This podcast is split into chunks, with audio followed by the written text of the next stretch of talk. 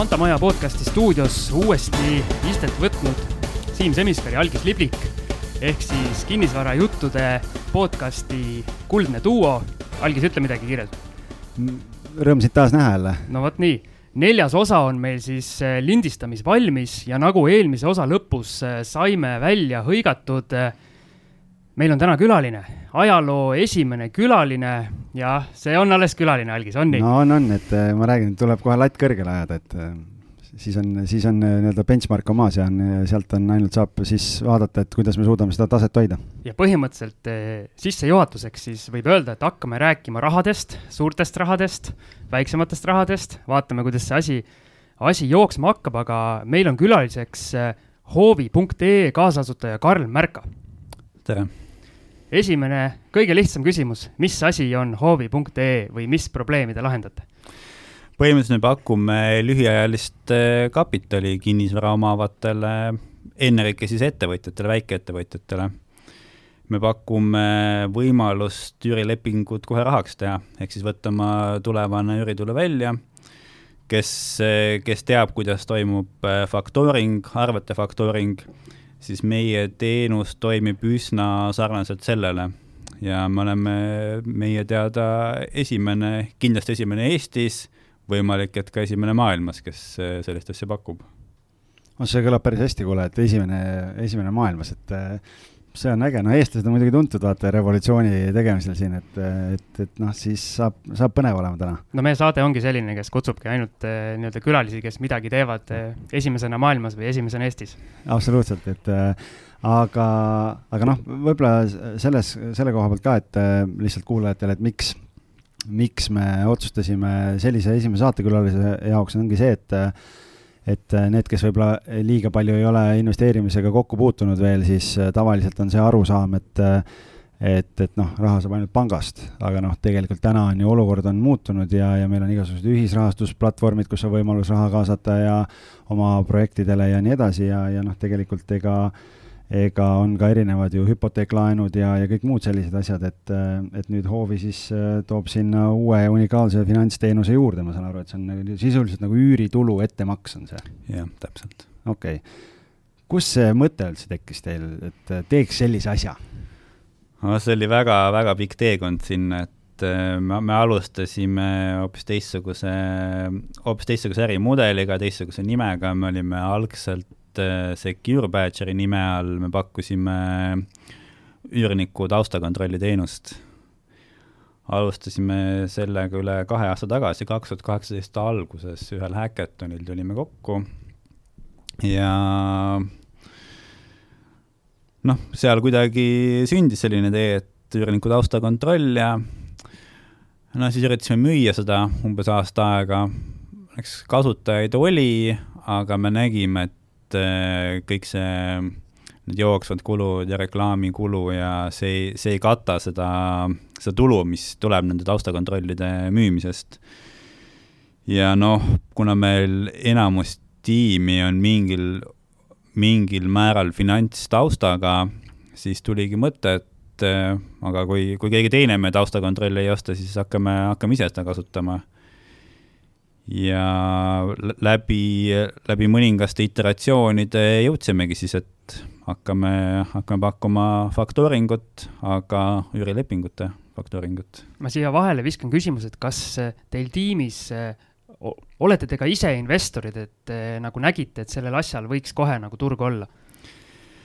oleme ka ise investorid ja ütleme, meie tiim on aja jooksul muutunud, on palju inimesi on lahkunud praegu meid alles ütleme kolm, kolm kaasasutajat ja kolm investorit. ma ütleks, et valdav enamus meist on jah, investorid, kaasa arvatud mina ja ka mõnes mõttes ka kinnisvarainvestorid ma tulen korra sammu tagasi, et sa ütlesid, te läksite sinna Hackathonile ja mõtlesite, et noh, võiks nagu teha midagi, et kas see teha midagi oli kohe kinnisvaraga seotud või see kuidagi tekkis seal kohapeal teil? See ei olnud üldse kinnisvaraga seotud algselt, eh, mis mõttega mina sinna läksin, oli üldse logistika valdkonnast. logistika, blockchain, ai, kõik buzzword'id eh, koos, eh, vaatasin aga vaatasime, et nagu väga ei lenda, et meil on nagu lahendus, ei ole probleemi. ja siis kuidagi jõudsime, jõudsime selle kinnisvarani ja taustakontrollideni ja kas see taustakontrolli teema oli teil kuidagi nagu mingi isiklik kogemus oli all, et selle jaoks on mingi vajadus kuidagi olemas või, või kust see tekkis? no ühel meie siis tiimiga liitujal oli jah, Inglismaalt, Londonist oli selline kogemus. no mi-, mina olen pikalt töötanud äh, krediidiriski valdkonnas ja tol ajal ma olin ühes, äh, ühe krediidiandja juures olin siis äh, andmeteaduse valdkonna juht, põhimõtteliselt vastutasin seal ütleme, krediidiriski, klientide krediidiriski hindamise eest, et selle, selle valdkonnaga ma olen üsna pikalt juba tegelenud. Ja noh, sealt nagu üks ja üks kokku panna, et minul nagu see krediidiriski taust, mis põhimõtteliselt noh, ongi taustakontroll, ja siis teiselt poolt nagu see üürimine, üürnikud, siis niimoodi seal sümbioosis tekkis niisugune mõte. millal see brändivahetus teil toimus, et kui kaua te nüüd selle uue suunaga olete töötanud? brändivahetuse me tegime sellel aastal, kas augustikuus vist alles. me oleme väga vähe selle brändi alt tegutsenud. me hakkasime seda, seda, sedasama teenust või siis ütleme, selle praeguse teenuse eelkäijad pakkuma juba Secure Badgeri nime alt, aga noh, Secure Badger, see, see ei, see kuidagi ei haaku selle tootega ja see on niisugune pikk ja lohisev nimi ja pole väga suupärane ja et jah, augustis, augustis tegin brändivahetuse ja okei okay,, noh siis on niisugune äh, sünnitusolud on läbi juba või, või kestavad veel? no ei saaks öelda, et läbi on, et ütleme, ettevõtte käimatõmbamine, eriti kui sa teed mingit asja, mida pole keegi teine ennem sellisel kujul teinud, et see võtab ikka aega ja ütleme, see inim-, selle sõnumiga inimesteni jõudmine ja see võtab aega, ütleme nii. aga näiteks minu jaoks, kui ma esimest korda algis äh, algiselt kuulsin, et selline võimalus on äh, oma võib-olla portfelli suurendamist kiirendada, siis äh, vaatasin seda ja näiteks minu jaoks äh, peas käis selline klõps ära, et äh, ma enne ei mõelnud, et äh, üürileping võiks olla nii-öelda vara, mille tagatisel siis võiks justkui nagu laenu võtta. et kui raske on inimestele just seda põhimõtet nagu kohale viia mm,? ma ei ütleks, et see no see sõltub väga palju inimesest, et need inimesed, kes on, kes on, ütleme, ettevõtjad ja kes on sellisest võib-olla valdkonnast, kus äh, kasutatakse faktooringut, näiteks äh, no logistika, logistiku või tootmine, et äh, need inimesed, kes teavad, kuidas faktooring toimub, nendele see ei ole uus, sest ma faktooring. ma korra segan, et ma ütlen kuulajatele ära, kes ei tea, mis faktooring tähendab, see on siis põhimõtteliselt, et kui sa esitad arve, siis see arve makstakse sulle kolmanda ettevõtte poolt varem justkui kinni, see kolmas ettevõte võtab sealt vahelt mingi protsendi ja sina saad justkui oma raha kohe kätte, kuigi arve tegelik maksmine võib-olla toimub seal millalgi tulevikus. jah, täpselt. Aga ma tulen, äh, sa korra alguses ütlesid või, või praegu tõid ka välja selle, et noh, et, et ettevõtjad, kes on kokku puutunud ja, ja äh, kas kui, kui ma olen täna kinnisvaraomanik eraisikuna ja tahan teie teenust kasutada, siis eraisik ei saa või? saab küll, ütleme, no ma isiklikult ei ole kohanud veel, või noh, meil ei ole veel portfellis äh, minu teada selliseid kliente, kes, äh, üürivad välja täiesti eraisikuna, kõige levi, noh, levinum mudel on selline, et sa oled omanik küll eraisikuna, aga sa üürid oma ettevõtte kaudu, ehk siis kogud üüri oma ettevõttesse mm, -hmm. et mhm. siis ei peaks kohe tulumaksu maksma. et enamus meie kliente on sellised ja siin ei ole nagu mingit probleemi, et me maksame selle ettemaksu sinu ettevõttele ja okay. üürilepingus saab ju olla punkt, et äh, omanik loeb üürimaksuks, kui see on laekunud selle ja selle isiku sellele pangakontole. Aga räägime nüüd konkreetselt rahast, et mis summadest meil jutt käib, et kui suure summa on võimalik nii-öelda ettemaksuna või siis äh, saada teie vahendusel? no me pole nagu mingit niisugust äh, limiite otseselt pannud, et äh, üldiselt esmakliendile ja kes on, ütleme, niisugune võib-olla niisugune väike ettevõtja, väike investor, on ühe objekti kohta kümme tuhat. Aga ütleme, suuremale kliendile, kellel on seal mitmeid objekte või mingi suurem mingi äripind näiteks, siis äh, on viiskümmend tuhat, aga need ei ole, ütleme, nagu kivisse raiutud, et need ütleme, seal, see sõltub nagu palju siis nii üürileandja kui üürniku krediidiriskist, palju seal neid objekte mängus on, et me jah, mingit niisugust fikseeritud äh, joont sinna ei tõmba, aga noh, ütleme seitsmekohalistest numbritest me kindlasti ei räägi, et äh, võib-olla kuuekohalisest. aga kas see võib siis, võib nii öelda, et näiteks, et järgmise objekti sissemaksuraha võtta selliselt, aga mul on siis küsimus, et näiteks kui ma võtan äh, sissemaksuraha nii-öelda teie käest, kuidas pangad sellesse suhtuvad, on teil olnud mingeid kogemusi, kui nii-öelda pangalaenu veel sealt nii-öelda põhiosale peale võtta mm? -hmm. vot ei, ei oska öelda, me ei, me ei, ütleme, ei, me ei küsi oma klientidelt äh, mingit äriplaani või, või nagu, mis nad selle rahaga teevad, et me sellesse nagu väga ei sekku, kes, kes nagu on vabatahtlikult olnud nõus avaldama, siis me oleme infot saanud, aga aga minu teada praegu ei ole veel niisugust olukorda olnud, et näiteks keegi on võtnud meilt äh, kapitali ja siis pank on öelnud, et oi-oi, et see on, see on ju finantskohustus, et äh, sest noh, sisuliselt äh, sisuliselt me, meie tegutseme üürilepingutena, me, me ei, me pole ühtegi laenulepingut sõlminud, kõik meie lepingud on üürilepingud, et see on ikkagi üüritulu. et sisuliselt teie ju, see, et te võtate äh, selle, maksate siis kuni kolm aastat, jah? ja me ütleme, siin pole ka kivisse raiutud, aga noh,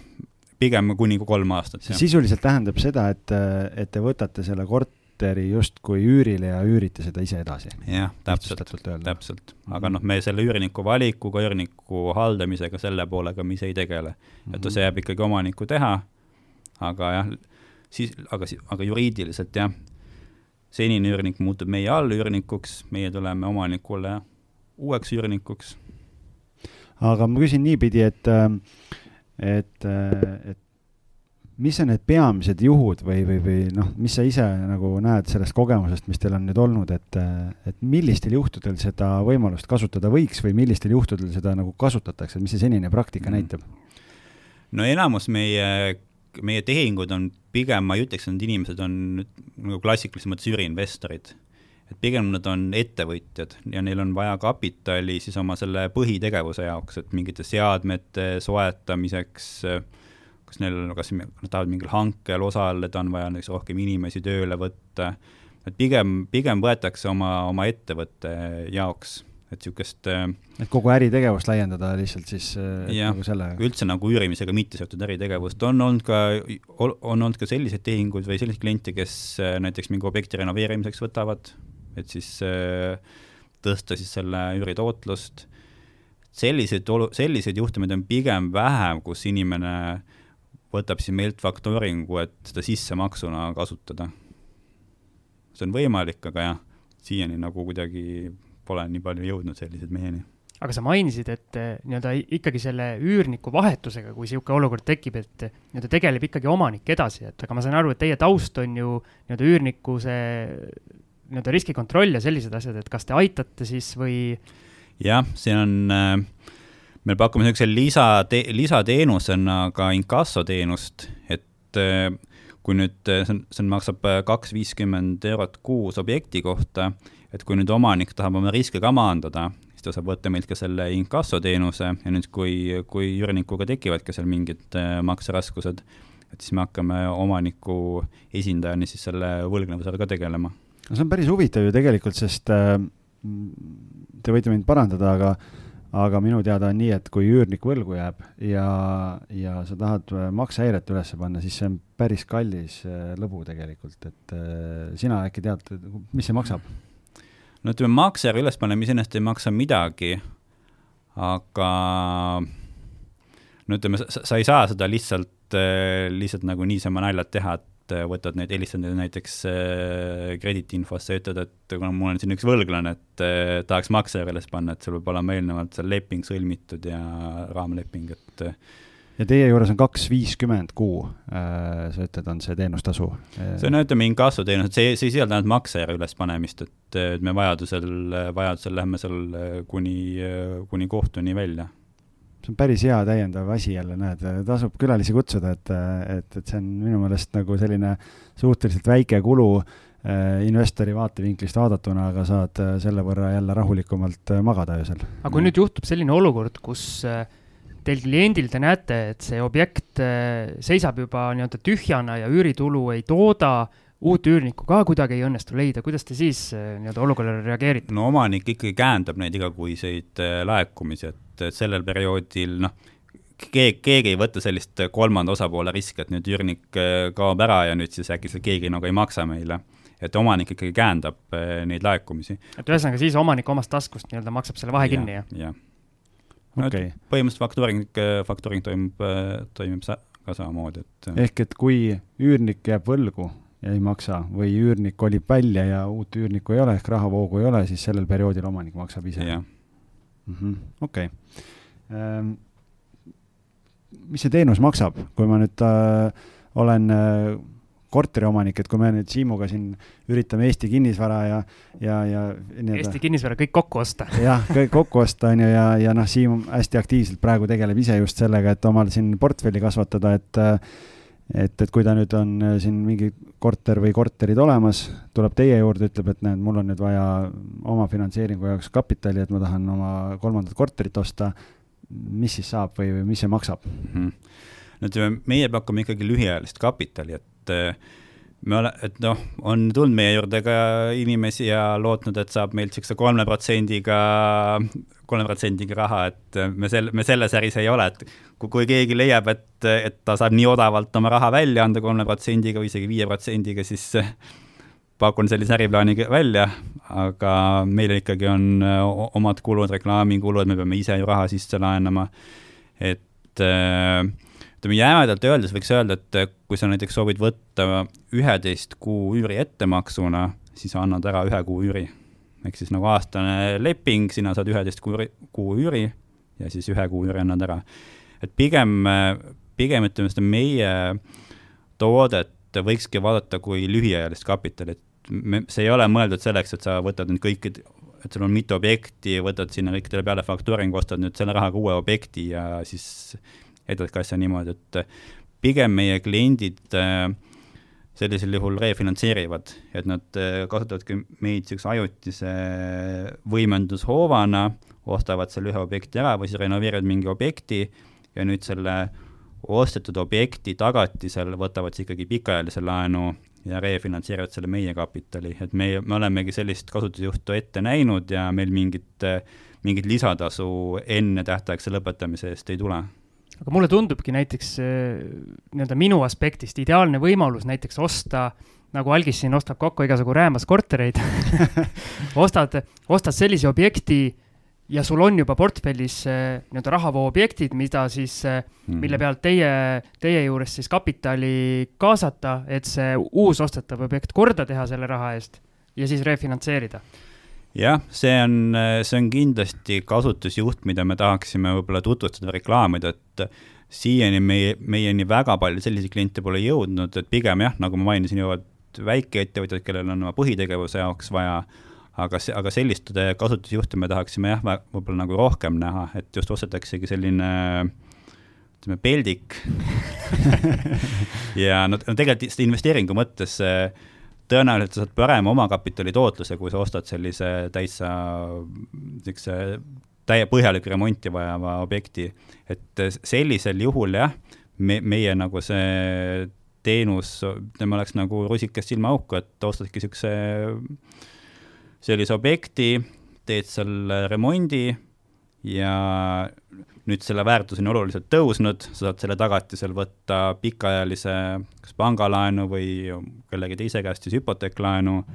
meie siis selle lühiajalise kapitali refinantseerida ja sul on omakapitali tootlus, oled, ütleme, kõva võimendus saanud oma omakapitali tootlusele Siim, ma pean sulle siin ütlema, et äh, seda juttu kuulates siis mulle tundub, et sa pead oma latti kõvasti allapoole laskma, kui sa tahad äh,, sellepärast et äh, siis on see nii-öelda väärtuse võit on äh, suurem, et sa pead ka peldikuid hakkama ostma. no vaata, peldikute ostmiseks peavad teadmised olema oluliselt kõrgemad kui minul hetkel, aga selleks ma seda saadet sinuga teengi, et äh, areneda ja õppida. aga äh, noh, sa juba seda laenuteemat põhimõtteliselt nagu mainisid, aga, aga võib-olla lihtsalt nii-öelda puust ja punaseks veel ka ära selgitada, et, et, et kuidas see toode või teenus laenust erineb, et noh, et, et noh, okei okay,, sa ütlesid, et kolme protsendiga eh, nii-öelda laenu ei anna, et noh, okei okay,, tegelikult me rääkisime selle faktooringu poole ja selle võib-olla ära, et aga ma saan aru, et äh, kas on mingi miinimumperiood ka? kolm kuud. Kolm kuud on miinimum ja maksimum ei ole, et te vaatate per objekt ja, ja, ja pigem, pigem on praegu siiani välja kujunenud kolm aastat nagu see maksimum, et äh, aga ütleme jah, no kivisse raiutud ei ole. aga mm, te vaatate täna ainult Tallinnat või, või kui meil on kuulajaid, kes ei, on väljaspoolt ka, kusjuures väljast, väljaspool Tallinna on isegi võib-olla, ma näeks võib-olla la, laiemat äh, kasutust meie teenusele, sest kui sa võtad kuskil äh, Tallinnast väljas mingis väikelinnas, äh, ma ei tea, Sauel või üks, no võtame mingi väike, mingi väike linna, kus äh, selle kinnisvara enda väärtus on väga madal, kus sa võib-olla saadki seal viie tuhandega osta endale korteri. ja see pole, ja see pole see, ja see viis tuhat ei ole mitte omaosalus, vaid see ongi kogu selle kinnisvara hind, siis äh, kui sa näiteks leiad sinna üürniku, ma ei tea, kahesaja viiekümne euroga kuus, siis see äh, ütleme, see faktooritav summa sellel üürilepingul võib olla suurem, kui selle kinnisvaraobjekti enda väärtus on. et seal saad eriti kiiresti kasvama hakata, et, et, et kui, kui sellise tempoga. aga noh, isegi kui ta oleks sada eurot kuus ja saad kolme aasta, kolme aasta raha kätte, see on ka juba kolm tuhat kuussada eurot, on ju, ja pole väga raske järgmist objekti osta, et aga kui nüüd päriselust rääkida, on teil selliseid eh, situatsioone olnud, kus see nii-öelda ostetud, eh, ostetud kinnisvara väärtus ongi siis väiksem kui see faktooritud summa, et see need numbrid nagu noh, nii-öelda tunduvad natuke uskumatud, et äh, nagu tõsi olla? ma nüüd täpselt ei oska öelda, noh, ega me ei tea ka sajaprotsendiliselt ju palju selle objekti eh, siis nagu tegelik väärtus on, aga ütleme, meil on sellistest eh, Tallinnast ja Tartust, ütleme keskustest väljaspool võetud küll faktooringut ja kus kus võib vabalt olla, et see summa, mis, mis see klient siis nagu faktoorib, et et see ongi võib-olla selle, kas väga lähedal selle kinnisvara enda väärtusele aga kui ma nüüd võtan ja ütleme, ma võtan selle miinimumperioodiks kolmeks kuuks, aga ma juba kuu aja pärast suudan ära refinantseerida, siis ma maksan ikkagi kolme kuu äh, summa teile või, või kuidas see välja näeb? ei, see, ütleme siis sellisel juhul äh, jah, sa, sa pead siis, no mul on siin raske siin niimoodi seletada, see on meil nagu vale, valemi või algoritmi alusel, aga põhimõtteliselt see tähendab, et, et sina maksad nagu teenustasu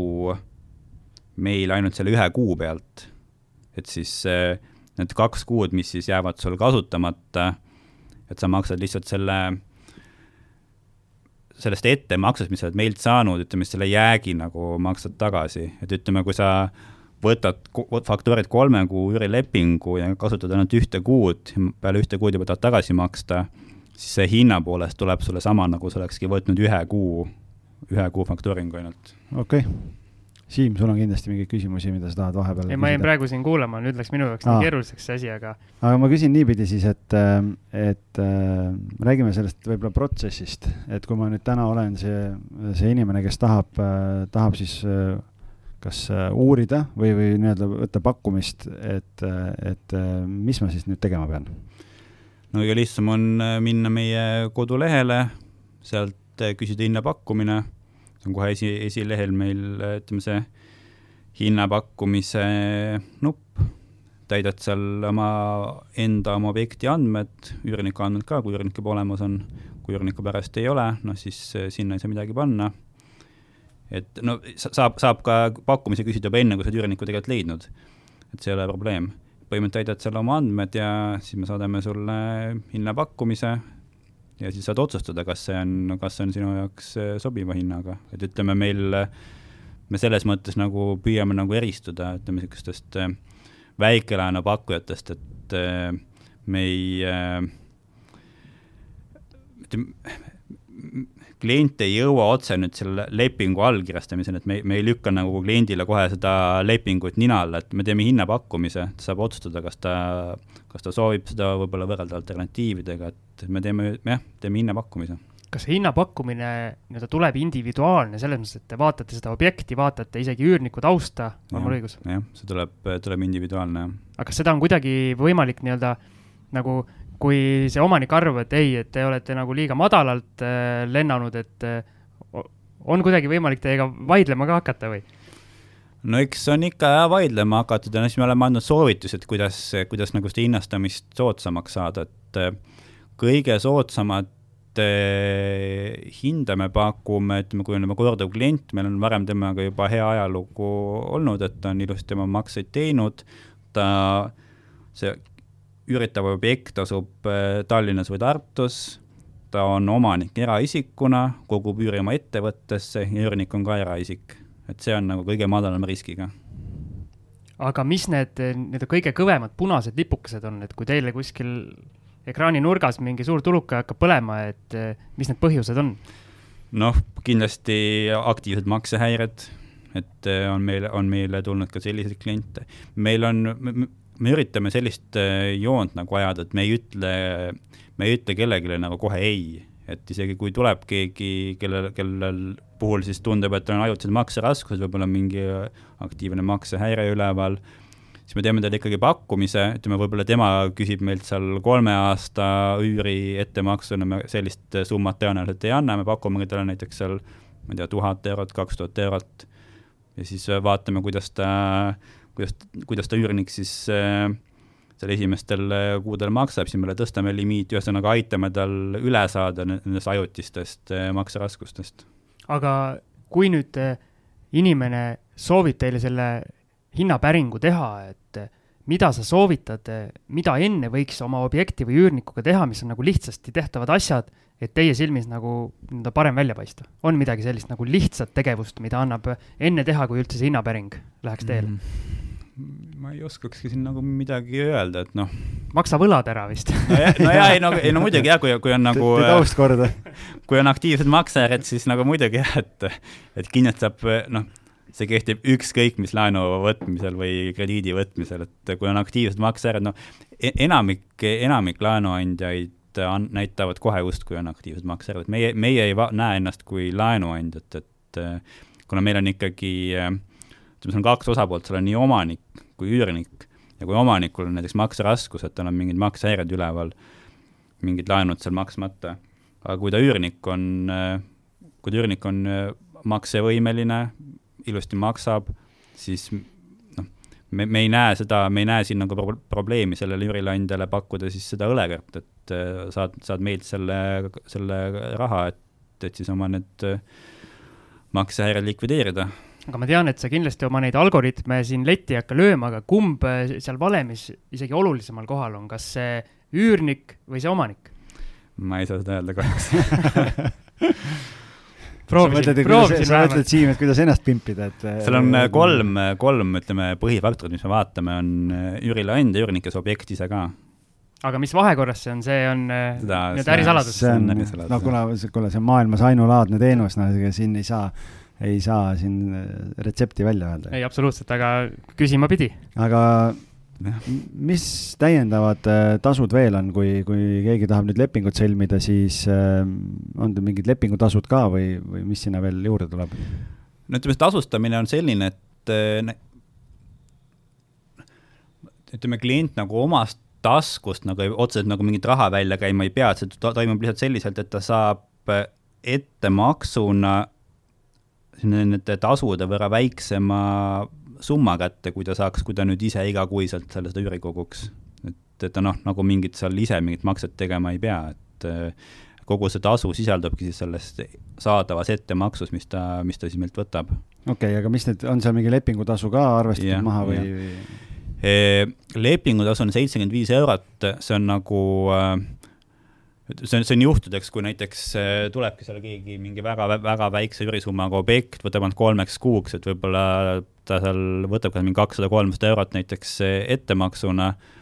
et äh, no, et aga kuna me peame, kuna meil need fikseeritud kulud iga lepinguga on ikkagi samad, peame tegema täpselt samasuguse taustakontrolli igal juhul, et, et nüüd see lepingutasu siis katab meie jaoks äh, taustakontrolliga seotud kulud, ütleme, customer acquisition'i kulu, et, et jah, et, et ütleme, et me, et me väikeste tehingutega saaksime ka oma kulud kaetud, et selleks on see lepingutasu, siis on igakuine lepingu haldustasu, no see on peamiselt, see, see kat-, see on mõeldud selleks, et katta meil siis selle ühe lepinguga seotud jooksvad raamatupidamiskulud, võib-olla arvete saatmised, meeldetuletused. Ja siis on äh, ütleme, see põhi nagu see kulukomponent kliendi jaoks on siis see no mida, mida võiks nagu võrrelda faktooringu puhul allahindlusega, on siis see, see protsent, mis me võtame, võtame siis sellest äh, üürilepingu summast nagu faktooringu tasu. aga siinkohal ma arvan, teeme väikese pausi, kuulame ühe ilusa vahekõlli ja siis tuleme juba tagasi ja räägime natuke siis äh, hoovi.ee tulevikust ja võib-olla siis natukene ka Karli enda investeeringutest ja mingitest äh, huvitavamatest lugudest, mida tal on rääkida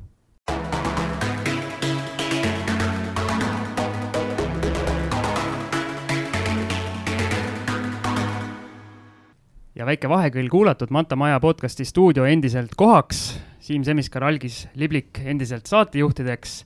ja endiselt on meil külalisena stuudios Karl Märka ehk hoobi.ee kaasa, kaasasutaja. mida mina nüüd äh, esiteks tahan meie kuulajatele öelda, suurepärane võimalus on äh, siin nüüd tekitada selline win-win-win ehk siis kolmepoolne võidukas olukord, äh, kus hoovi.ee uued kliendid, kes tulevad läbi kinnisvarajuttude podcast'ist saadud info, siis ütleme nii, saavad vabaks lepingutasust. Karl, mis see lepingutasu on, millest? Äh, seitsekümmend viis. vot, saad seitsekümmend viis eurot puhast rahalist võitu, kui sa lähed hoovi.ee lehele ja kasutad sellist boonuskoodi või sooduskoodi, ma ei tea, kuidas selle nimi on, nagu kinnisvarajutud kakskümmend kakskümmend. kõik suured tähed ja kokku kirjutatuna ja me paneme selle kindlasti Facebooki gruppi ka veel eraldi ülesse, nii et, et siis on see info ka kirjalikult olemas. absoluutselt, aga selliseid äh, juhtumeid, kus on äh, nii-öelda kolmekordne võit kõigile, see on äh, haruldane, sest kuulajad pääsevad lepingutasust, meie podcast saab väikese vahendustasu ja hoovi.ee saab siis uue kliendi endale juurde. noh, see on match made in heaven mu meelest. minu meelest ka, et palun nüüd tormake kõik aga mis mina nüüd tahtsin siia, siia jutu sisse tuua, et ma küll alguses korra Karli käest küsisin, et eh, kas eh, mehe näol on tegemist ka ise investorina, ütlesid, et oled. räägi, räägi veidikene oma kinnisvara investeeringutest või sellest taustast. jah, noh in, investorina ma olen, pole kindlasti nagu siin musternäide, et eh, ei saa mingit suurt kõva tootlusega portfelli ette näidata, et pisut aktsiaid, pisut Äh, pisut raha Mintases ja üks äh, üürikorter äh, TTÜ vahetus läheduses, et selle üüripinna ma ostsingi paljuski, et, et saada seda üürile andja kinnisvarainvestori perspektiivi, et kuna me ikkagi sellises üürilepingute faktooringu äris oleme, et ka nagu seda, seda, selle poole siis vaadet omada miks TTÜ lähedal ja, ja, ja kõik see pool, et räägi sellest taustast võib-olla, et äh, mille baasil see valik sai tehtud? no ütleme, selle hoovi tegemise käigus me, me kogume ka üsna palju äh, võib-olla infot äh, kinnisvara müügi ja üürihindade kohta üle Eesti ja andmete põhjal andmete põhjal, ütleme see TTÜ vahetu lähedus on üks kõige parema siis üüri- ja müügihinna suhtega piirkondi. ja mis ma olen nagu ise kogenud, et äh, vakantsus on seal väga madal, panen kuulutuse üles juba samal päeval, hakatakse ühendust võtma, tullakse vaatama. aga kas see, me eeldame, kui me siin nagu kastide ümber palava pudru räägime sellest äh, TTÜ lähedusest, et äh, kas siis enamus äh, üürikliente seal on, on tudengid, seda esiteks, ja kas siis see nii-öelda üürniku vahelduvus on äh, võib-olla keskmisest suurem kui, ma ei tea, mõnel kesklinna või äärelinna korteril? tõenäoliselt see turnover nii-öelda on seal, on seal suurem küll, et ma olen, ma olen omanud seda natuke üle aasta aja, selle ajaga on kaks äh, üürnikku olnud, et nüüd kas ma pakun välismaalased? Esimesed olid jah, olid äh, üks noorpaar Gruusiast, nüüd äh, läksid, äh, läksid, lahkusid Eestist Kreekasse. Ja siis pidin uued otsima, praegu on, nüüd on eestlased, et aga jah, aasta jooksul kaks, kaks üürilepingut, et vahel, et ütleme, see vahe, see turnover on jah üsna suur, aga aga no, vakants on madal, et see pole nagu probleem. no ma siin vahele poetaks võib-olla seda ka, et tegelikult, äh, et ega seal ei ole ainult üliõpilased, aga kui me räägime ikkagi, et Tehnopol on seal kõrval ja ja kui palju seal on äh, välismaa spetsialiste tegelikult, kes nagu tööl käivad, siis äh, mm, kiidan asukoha valikut, et pole paha. aga mul on veel selline küsimus, et kas siis see nii-öelda kinnisvaras investeerimine on oluliselt siis nii-öelda aktiivsem tegevus, kui sa rääkisid, et sul nii-öelda aktsiaportfell ka ja ühisrahastuses, et on see siis aktiivsem ja kuidas see, kuidas sinu jaoks? Kas see on nagu pluss, et see on aktiivsem, saad ise rohkem kontrollida? Või on vastupidi nii-öelda miinus, et peab nii-öelda käed küljes hoidma ja nii-öelda muust tegevusest aega leidma? no minu jaoks on pigem võib-olla miinus, et eh, kuna mu põhitegevus on ikkagi hoovi, siis eh, kui ma vahepeal pean seal, pean seal jälle üürniku vahetamisega tegelema, et, et siis on selles mõttes on nagu miinus aga ütleme, koge-, kogemuse mõttes, kogemuse mõttes see on kindlasti hea, et et, et noh, nagu ma mainisin, et saadagi seda üürileandja tunnetust või perspektiivi kätte, et aga ma siin ennetan algist ja ütlen, et selle jaoks on vaja palgata endale ekspert nagu Algis sind esindama ja võib-olla Algis teeb sulle ka vastu ühe boonuskoodi ja saate siin omavahel kasulikud olla. ma just tahtsin tegelikult öelda, et, et Siim, äkki sa saad Karlile tarka nõu anda, mida sellises olukorras tegema peaks, aga no näed, et sa juba ise ei, ei, vaata, jõudsid ette. meie puhul, nii-öelda minu ja Karli puhul, mõlema puhul on see oluline, et saada just see perspektiiv ise kätte. kui me nüüd sinusuguse eksperdi ennast eh, nii-öelda esindama palkame, siis meile tundub see kõik nii lihtne ja oledki lihtsalt nende passiivne investor, kuskil käsi külge ei pane, aga sa ei saa ka ühtegi kogemust ega teadmist. sa pead oma mõttemustreid muutma, et, et ma saan aru, et sul on lapsepõlves räägitud, et äh, raha tuleb raske tööga, aga tegelikult nagu elu on, elu on lill, et, et võib lihtsalt ka elada. ei, võib-olla väga võimalik, et kui nüüd praegused üürnikud lahkuvad, siis ma olen juba piisavalt seda kogemust saanud, et siis ma kasutan võib-olla algise teenust, et siis mul noh ma olen selle kogemuse saanud, mul pole vaja rohkem sellega tegeleda. algis kakskümmend, kakskümmend. jah, ei no tal ei ole sooduskoodi vaja, sest täna ju üürnik maksab vahendustasu, nii et see on ju tasuta teenus ka veel pealekauba, nii et noh, see on enam paremat mugavusteenust on täna raske leida. aga lähme edasi, ma tean, algisel oli siin eh, üks väga kipitav eh, nii-öelda küsimus, mida ta tahtis juba pikalt-pikalt rääkida, aga mina siin läksin pauside ja muu teema peale ära. jaa, ma tegelikult tahtsin, et, et ikkagi et oleks nii-öelda nii puust ja punaseks kui võimalik, et ma mõtlesin, et äkki Karlil on mõni äge case study ka meile tuua selle kohta, kuidas, kuidas kliendid täna on kasutanud ja, ja, ja noh, äkki ma saan aru, et kinnisvarasektor ei ole veel nii palju, aga, aga ma nii-öelda kulisside taga tean, et teil on tegelikult sealt ka üks äge case study olemas, et äkki sa jagad meie kuulajatega ka seda, kuidas üks äh, kinnisvarainvestor teie teenust kasutas ja, ja mis seal toimus? Jah, on, on tõesti üks, üks selline case study siit eh, samast eh, Nõmmelt. et eh, nagu te ilmselt teate, siin Nõmmel on selliseid kolmekümnendatest eramaju üsna palju. ja siis oligi selline, selline olukord, et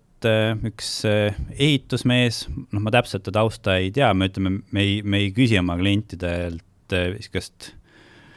ebaolulist infot, aga ta oli, ta oli, ütleme, lahkesti eh, jagas oma selle projekti kohta natuke lisainfot, ühesõnaga pani oma, võttis siis oma,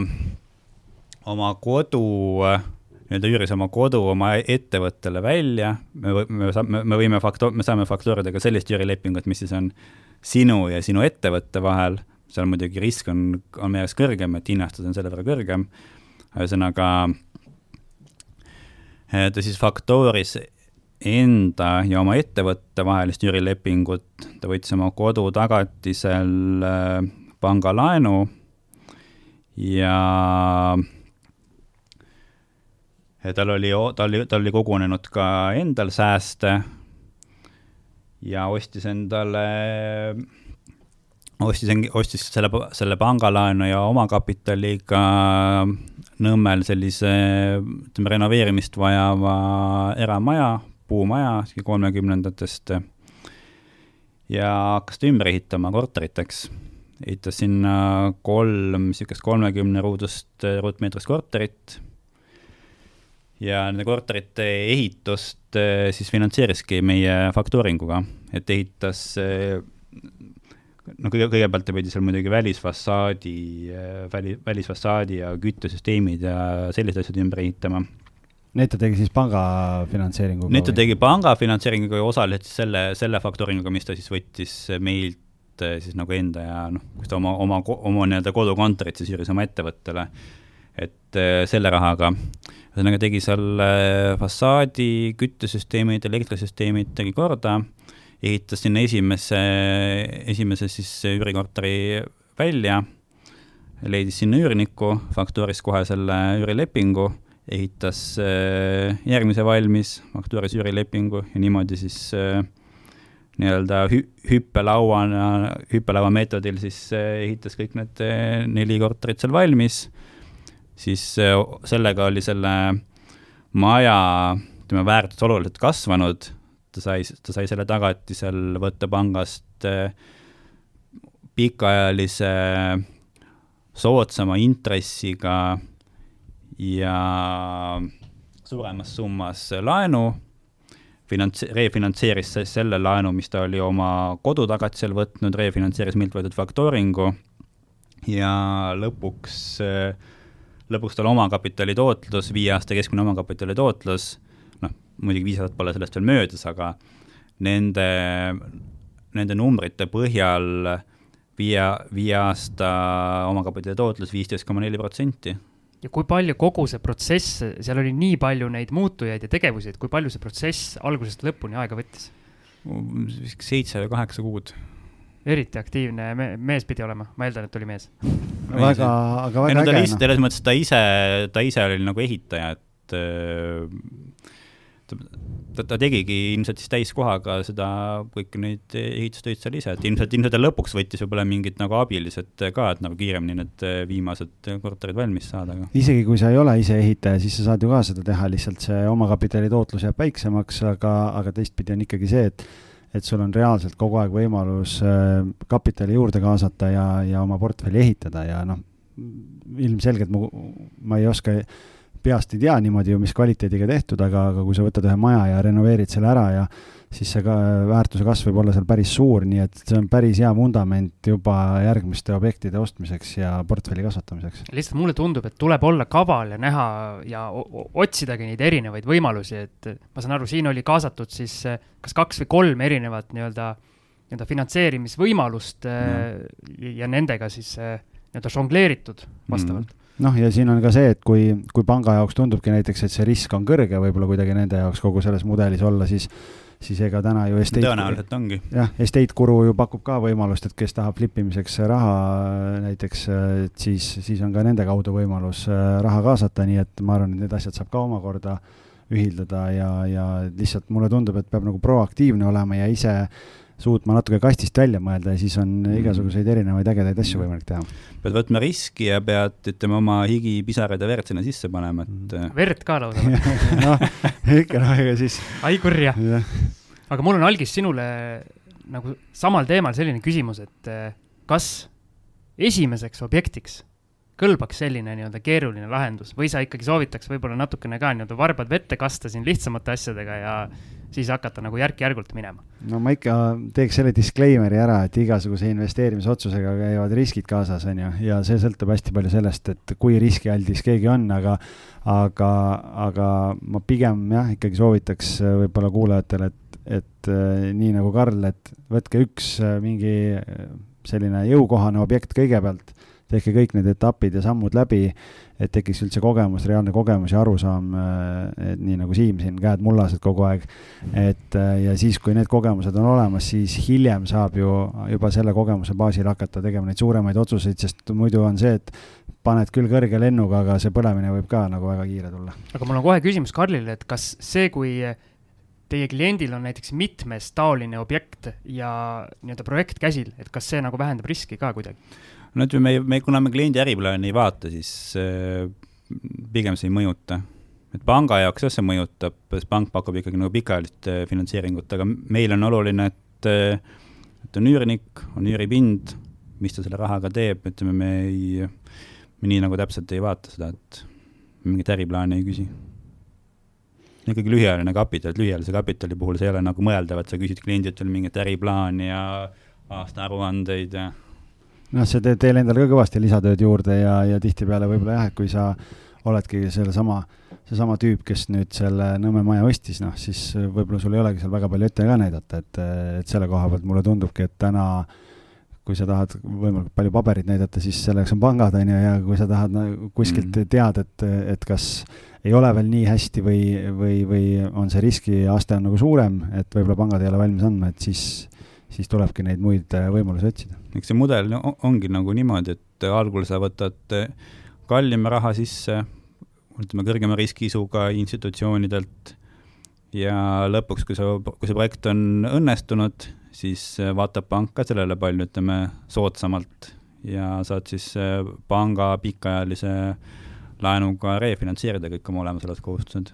aga me oleme nüüd pikalt rääkinud, mida te pakute kliendile ja nii-öelda sellest poolest, aga räägime natuke ettevõttest, et kus äh, on teie nii-öelda tulevikuplaanid, kas on plaan ka näiteks Eesti piiridest kaugemale vaadata? No kindlasti me ei plaani ainult Eestisse jääda, et ütleme, liiga, liiga väike turg. kui Maksuamet hindas, et Eestis on, noh, see oli viiskümmend tuhat üüripinda või umbes sinna viiskümmend tuhat kuni sada tuhat üüripinda, siis noh, see on meie jaoks liiga vähe, et ilmselgelt me ei saa kõiki, no okei okay,, need olid elamus, elamispinnad, et noh, äripinnad on ka muidugi lisaks, et äri, äripindade rendi- või üürilepinguid me faktuurime samamoodi, aga aga ikkagi Eesti turg on natuke liiga väike, et eks me vaatame ikka jah, ikka kasvavaid, kasvavaid turge. aga te suund on Skandinaavia siis pigem või, või te ei ole veel nii palju mõelnud, et kõigepealt siin korralikult kand maha ja, ja siis vaatame edasi? No minu, minu võib-olla eelist, esimene eelistus on tegelikult Poola, et noh, kui sa, kui sa Poola turul äh, edukalt kanda kinnitad, siis see turg on juba suurem kui kogu Skandinaavia turg kokku, et. seal on Varssav on juba suurem kui Eesti, et, et see on nagu jah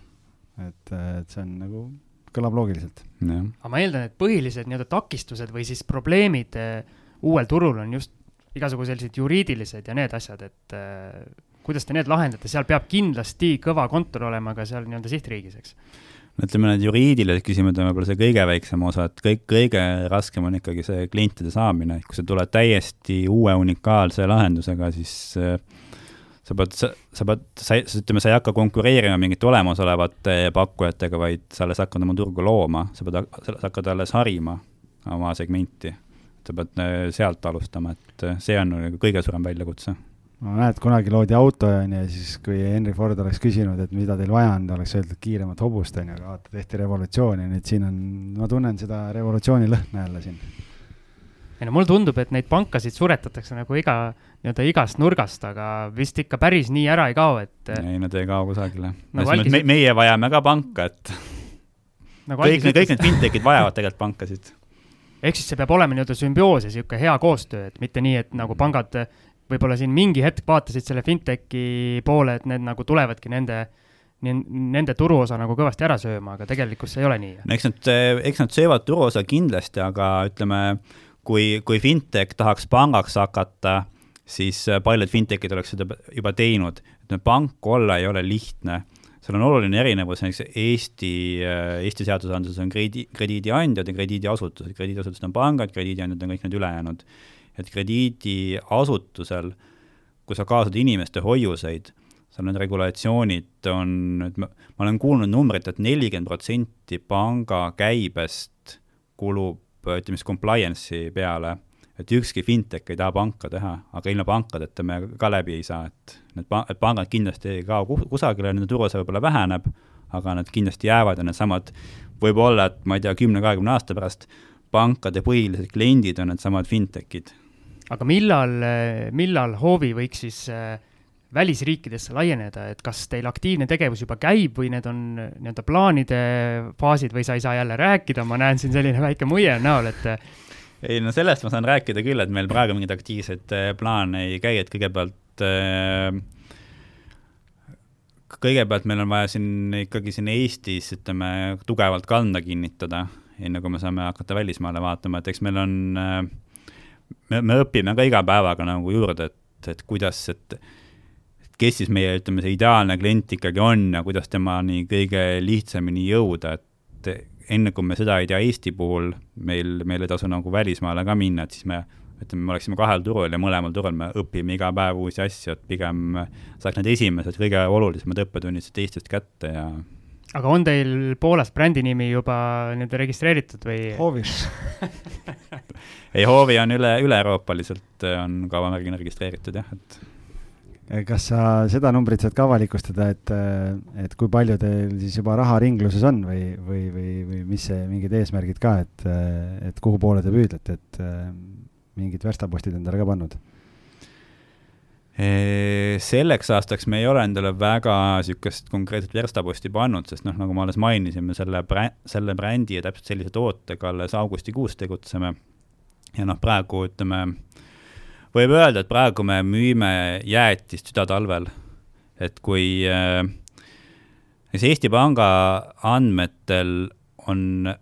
ärilaenude maht vähenenud kuuskümmend üks protsenti võrreldes aasta algusega, kuuskümmend üks protsenti, see on tohutu langus augustikuu oli, ma ei tea, kui üle mitme aasta esimene, esimene kuu, kus äh,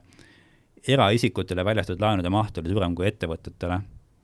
Et noh, me, me, meie kliendid ikkagi on pigem ettevõtjad, et ettevõtjad, ettevõtted praegu ei investeeri, nad ei, nad ei võta kapitali, nad ei julge kapitali võtta, ja kui meie kliendid ei julge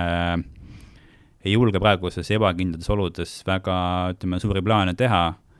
siis me ei saa ka praegusel hetkel mingit väga mingit eh, eksponentsiaalsele kasvule loota. kui juba kuuskümmend üks protsenti on ärilaenude mahud langenud, siis noh, pigem me, pigem me sihime järgmist aastat, kus eeldatavasti võiks, eh, võiks majandus uuesti kasvule pöörduda ja ettevõtjad ka julgemaks muutuda, et kindlasti, kindlasti turul tekib neid äh,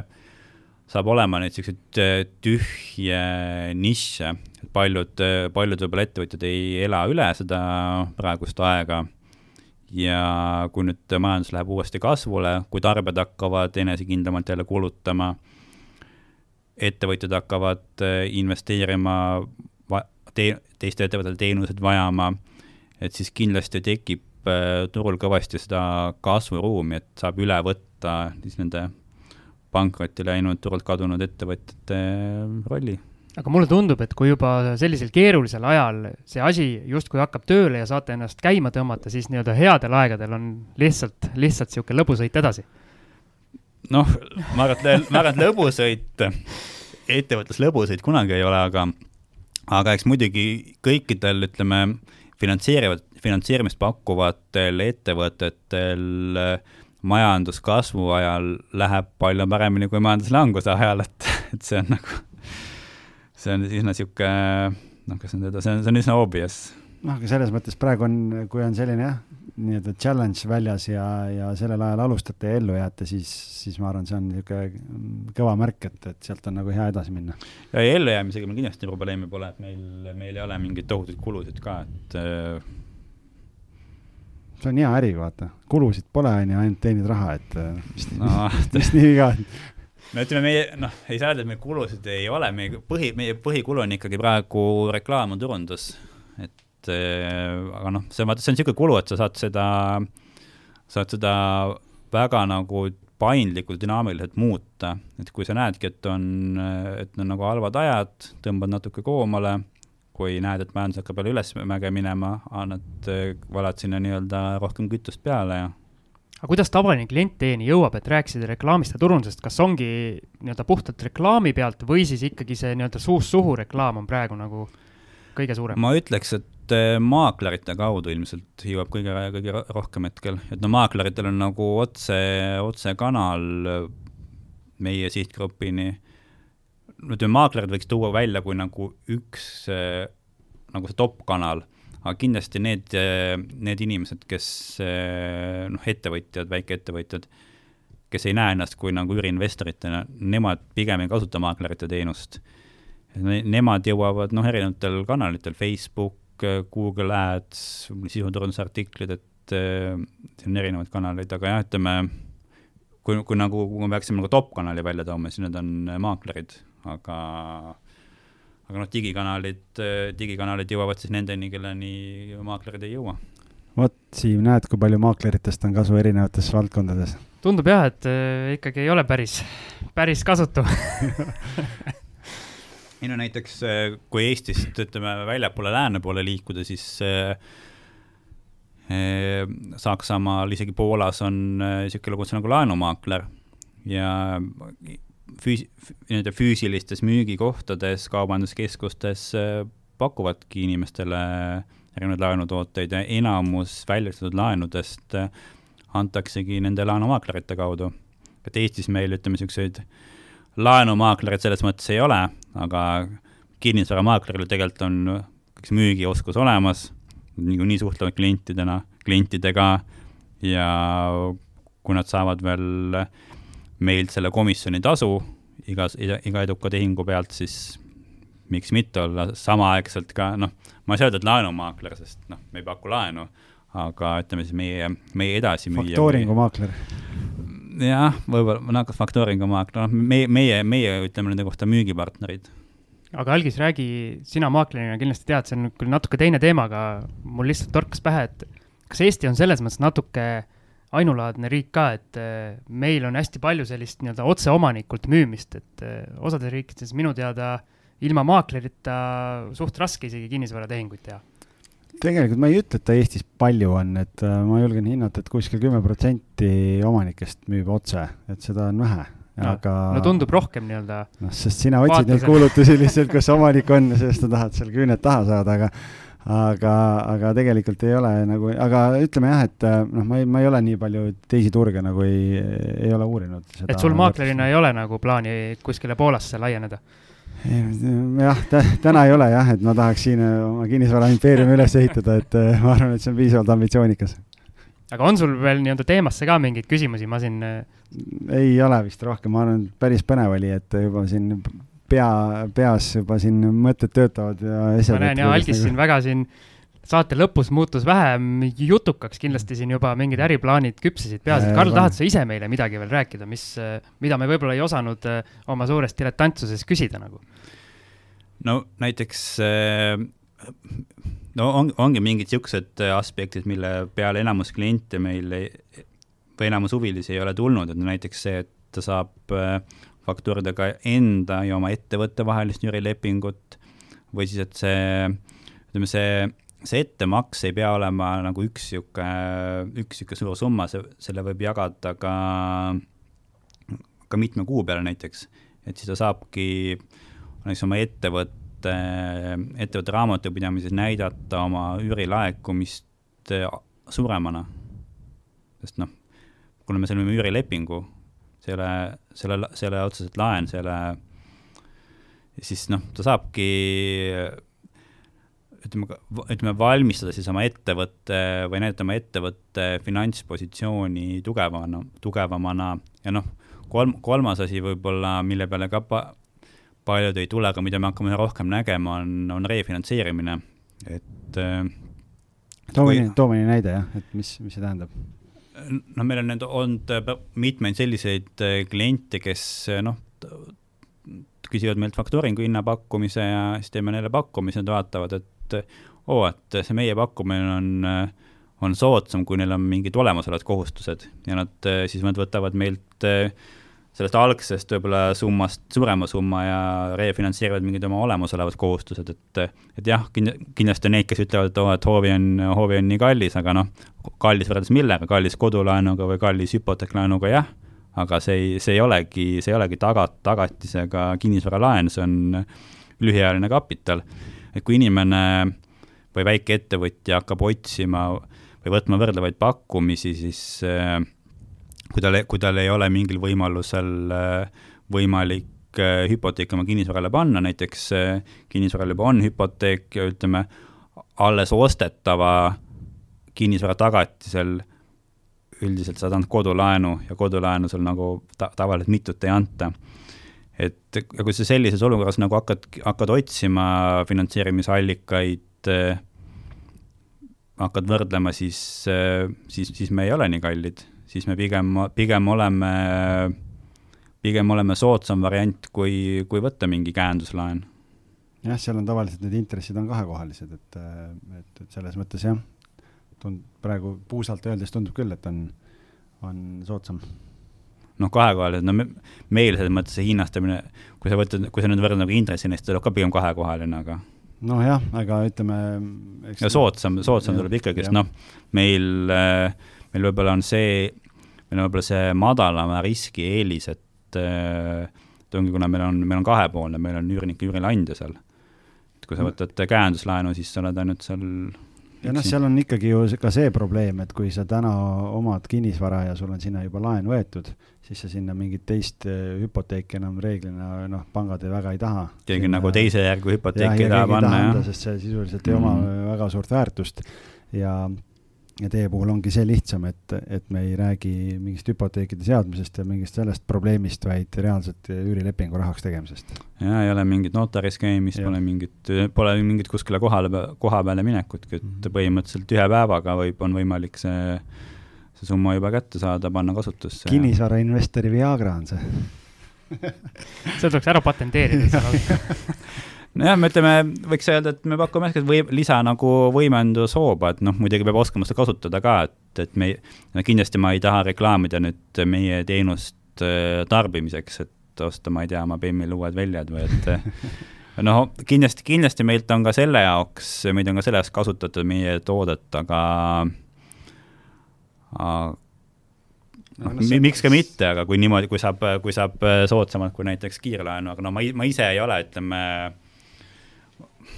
mulle endale nagu isiklikult äh, ma, ma tahaks nagu propageerida või äh,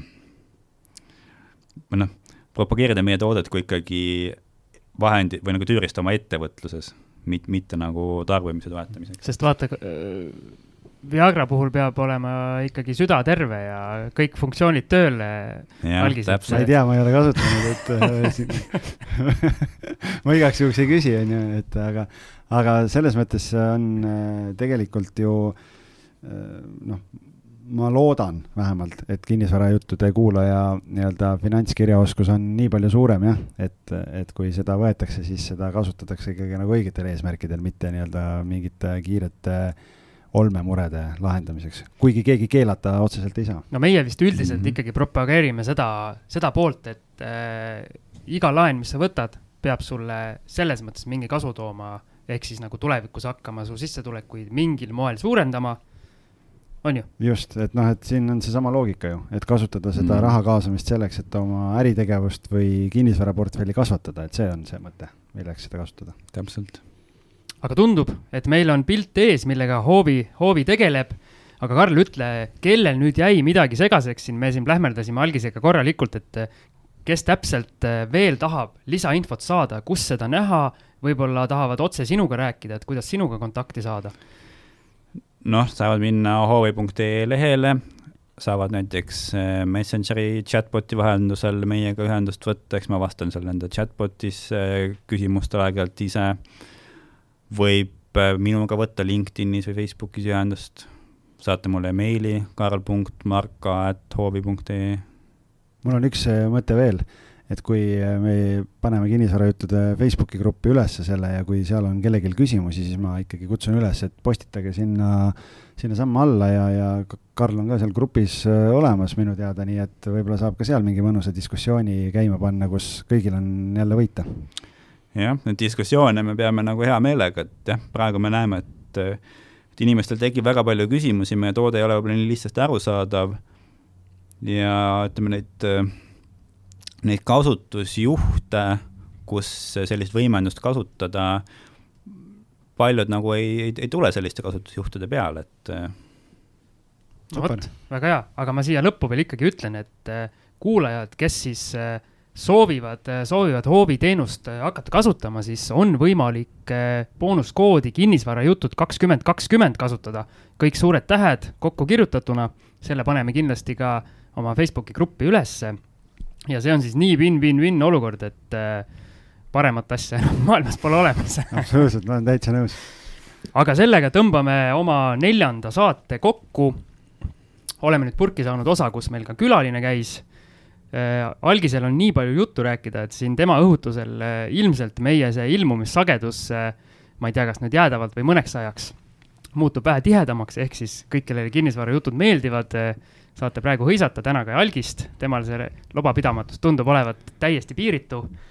Ma pigem ütleks vastupidi, et kuna Siimul on nii palju küsimusi, et siis ma lihtsalt ütlen, et on vaja need kõik küsimused on vaja ära vastata, et muidu mees äkki kolistab mingeid ämbreid veel siin investeerimisteekonnal, et teeme ruttu kõik need teemad ära, et siis. kah tõsi, jah. seega muidugi, et Algis siin ostab nii tihti erinevaid objekte, et muidu, kui me üle kahe nädala teeme, siis me oleks ajast nii maas, et ja siis enam ei mäletagi, on ju, et siis on juba müüdud või, või on juba päevakorrast maas. aga hea küll, nali naljaks. ma arvan, et siin tõmbame otsad kokku. aitäh, Karl, aitäh teile kutsumast! aitäh, Algis. aitäh, Siim! Algisega muidugi kohtume järgmine kord ka, aga kõik, side lõpp. ja püsige terved